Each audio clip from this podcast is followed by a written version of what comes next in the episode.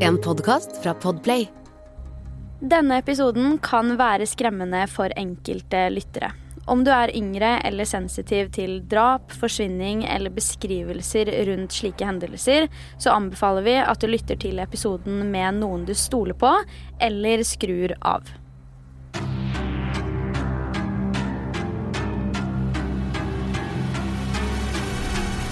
Hei og velkommen til en helt ny Forsyningsfredag podkast-episode. Som du vet, så har vi snakka mye om draps- og forsyningssaker her i podden, og da også mange historier som fortjener å bli hørt. Dette er noe som for min del alltid har vært veldig viktig, ettersom det finnes så mange kriminalsaker der ute som ikke har fått like mye oppmerksomhet, men som gjerne er uløste.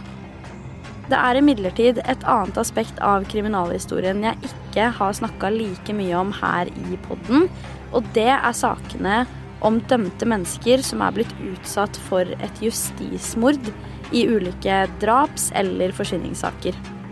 Det betyr rett og slett at en person er blitt uskyldig dømt for et eller annet kriminelt forhold, men vi ser det definitivt mest i de store sakene som f.eks. omhandler drap eller forsvinning. Et justismord handler da om at en person soner en straff for noe vedkommende ikke har gjort. I Norge har vi i hvert fall to veldig kjente justismord, og det er sakene om Fritz Moen og om Per Christian Liland.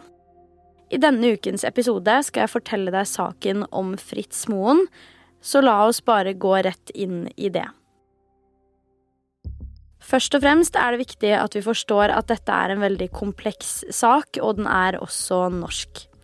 Den blir kategorisert som et av Norges største justismord, og faktisk er denne saken det eneste tilfellet i hele Europa hvor det har skjedd dobbelt justismord i samme sak, som egentlig er ganske vilt å tenke på, tatt i betraktning hvor lite og egentlig fredfylt Norge er i det store bildet. Av den grunn er det veldig viktig at vi forstår hva Fritz faktisk ble dømt for, men det er definitivt også viktig at vi forstår hvem han egentlig var. La meg forklare. Fritz Moen ble født 17.12.1941 i Sarpsborg. Fritz ble faktisk født døv, som etter hvert resulterte i at moren hans ikke ønsket å ta seg av han. Det er mye usikkerhet rundt om Fritz bodde med moren sin den første perioden av livet eller ikke, men hun sendte han i alle fall til et barnehjem i Skjeberg i 1943. Etter dette hadde han så å si ingen kontakt med moren sin, og Fritz møtte heller aldri sin biologiske far, ettersom han døde i 1944 under krigen. Det sies faktisk at moren til Fritz gifta seg og fikk to barn noen år etter at hun leverte Fritz på barnehjemmet, og etter hva jeg kunne finne, besøkte Fritz moren sin to ganger i løpet av oppveksten. Forholdet Fritz imidlertid hadde til stefaren og halvsøsknene sine, blir beskrevet som relativt bra, selv om de ikke akkurat har vært sammen så mye i løpet av livet. Når det kommer til Fritz som liten, så må jeg si at jeg syns det er utrolig trist å lese. Som sagt så ble han jo født døv, og helt frem til han var rundt syv-åtte år gammel, så hadde han absolutt null kontakt med noen andre døve barn eller voksne, og flere psykologer har fortalt at dette antageligvis er en medvirkende årsak til at han senere i livet skulle få flere sosiale problemer, samt språkforståelsen hans, som definitivt ble svekket av mangelen på sosial kontakt i barndommen. Man kan jo bare se for seg hvor mye et barn med hørsel lærer av sosial kontakt med jevnaldrende og også voksne, men dette uteble helt fra Fritz sin oppvekst. Fra 1949 begynte Fritz på Skådalen offentlige skole, som var en skole for døve barn.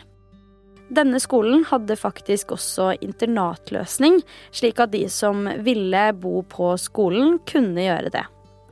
Dette er jo i utgangspunktet et veldig fint opplegg som gjerne fører til den sosiale kontakten jeg nevnte, men Fritz var virkelig ingen fan av dette. Til tross for at han ikke likte internatløsningen, så var det her han fikk sin første opplæring i språk, tegnspråk og lignende. I tillegg til å være døv, var også Fritz lam i den ene armen sin. Nå som vi vet litt om oppveksten og barndommen til Fritz, så kan vi gå inn i det som er grunnen til justismordet. Det første forholdet omhandler drapet på Torunn Finstad.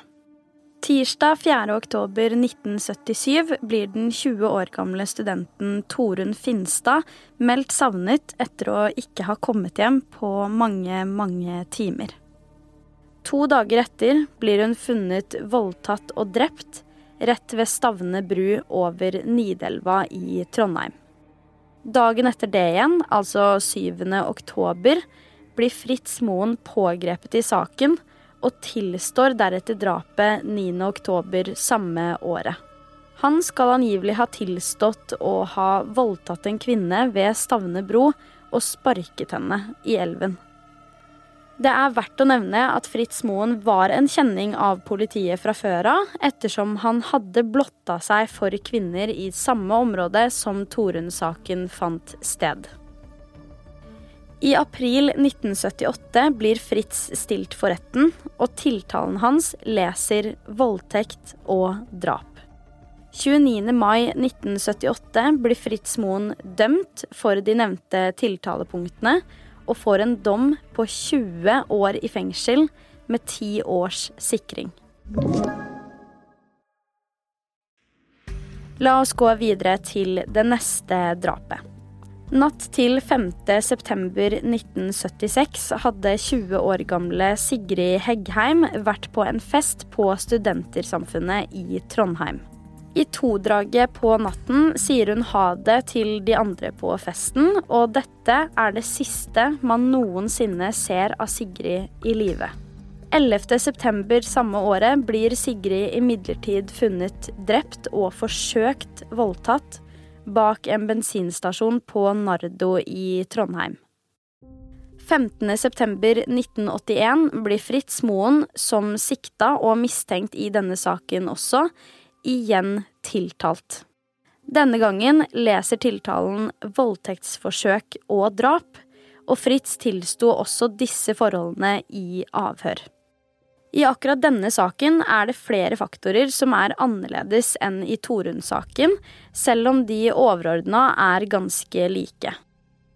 I denne saken er det imidlertid sånn at det ble funnet ekskrement på kroppen til offeret, som allerede der gir mulighet for DNA-bevis. Det var også blod på offeret som tilhørte en person med en blodtype som ikke ikke stemte overens med Fritz Moens blodtype.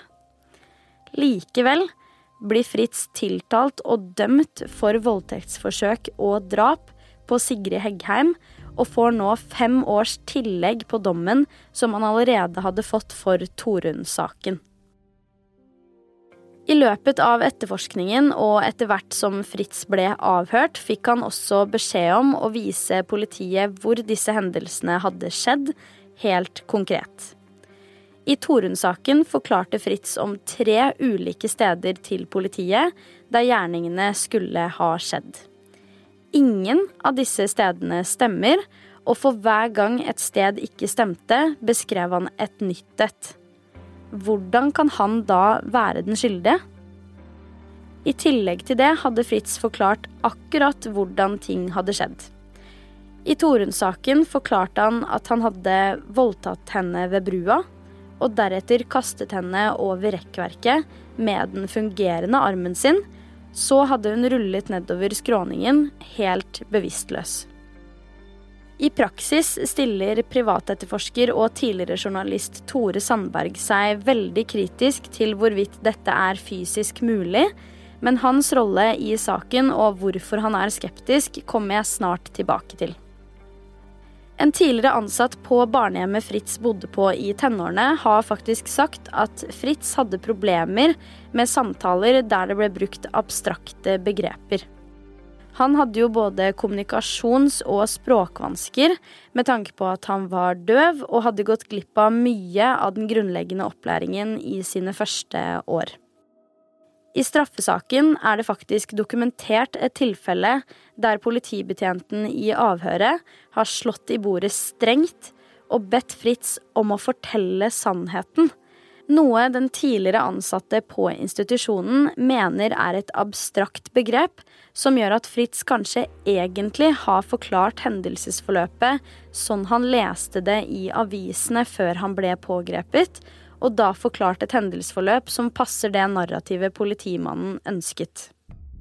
Selv har han også sagt i samtaler med terapeuter og psykiatere at politiet lurer han til å tilstå, men at han ikke egentlig er skyldig. På denne tiden, altså rundt gjerningsøyeblikket og under domsavsigelsene, er Tore Sandberg reporter for Dagsrevyen og dekker dermed begge sakene fra Trondheim. 20 år senere jobber han som privatetterforsker og forteller at han hele tiden har vært usikker på Fritz Moens egentlige skyld i saken. Mange av dere kjenner nok igjen navnet Tore Sandberg, for han har definitivt vært et navn nevnt i andre store saker også, deriblant Baneheia og Orderud-saken. I 2003 hadde Tore Sandberg jobbet i fem år for å få saken gjenopptatt i Høyesterett. Fritz har jo da to forhold eller straffesaker på seg, og nå bestemmer Høyesterett seg for å ta opp Sigrid-saken, men ikke Torunn-saken. Sigrid-saken frifinnes han faktisk fra, men han har fremdeles en dom på seg for Torunn-saken, som gjør at han likevel må sone. Etter at Tore Sandberg selv undersøkte saken i dokumentaren 'Sannhetsjegeren' fra 2009, så kommer det også frem en tilståelse fra en mann som på dødsleiet forteller at det egentlig var han som tok livet av Torunn og Sigrid. Han forklarer at han vil betale oppreisning til den personen som har sona for noe han selv har gjort. Akkurat det der er det ikke så ofte vi hører om. Kan det ligge en sannhet i det? I 2005 døde dessverre Fritz Moen av hjertesvikt, og tilståelsen fra den andre mannen på dødsleiet kom da etter at Fritz hadde dødd. Fritz Moen fikk aldri oppleve å bli frifunnet fra Torunn-saken også, selv om veldig mye tilsa at han ikke kunne være den skyldige.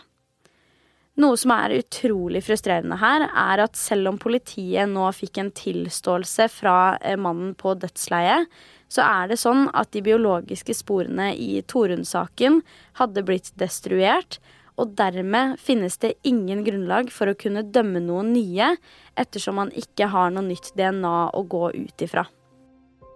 Det eneste domstolen eventuelt kunne ha dømt noen andre for, hadde jo da vært indisier og tilståelsen som kom, men samtidig så må man jo også se at tilståelsen kom fra en mann som allerede kom til å dø før noe sånt hadde rukket å tre i kraft.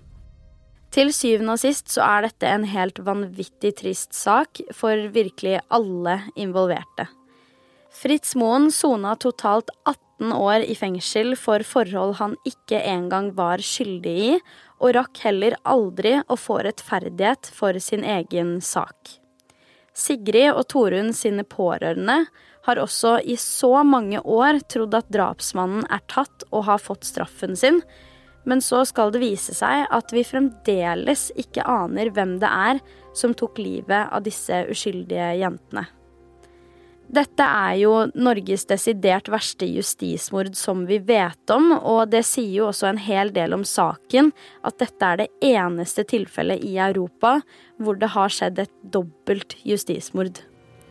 Jeg er som alltid veldig interessert i å høre dine meninger om denne saken, så dersom du har noen, må du mer enn gjerne sende de inn til meg på Instagram, der jeg heter Forsvinningsfredag.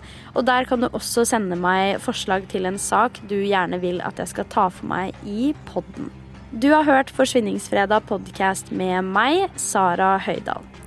Tusen takk for at du har lytta til episoden. Jeg er tilbake med en helt ny en allerede neste fredag. Og i mellomtiden, ta vare på deg selv.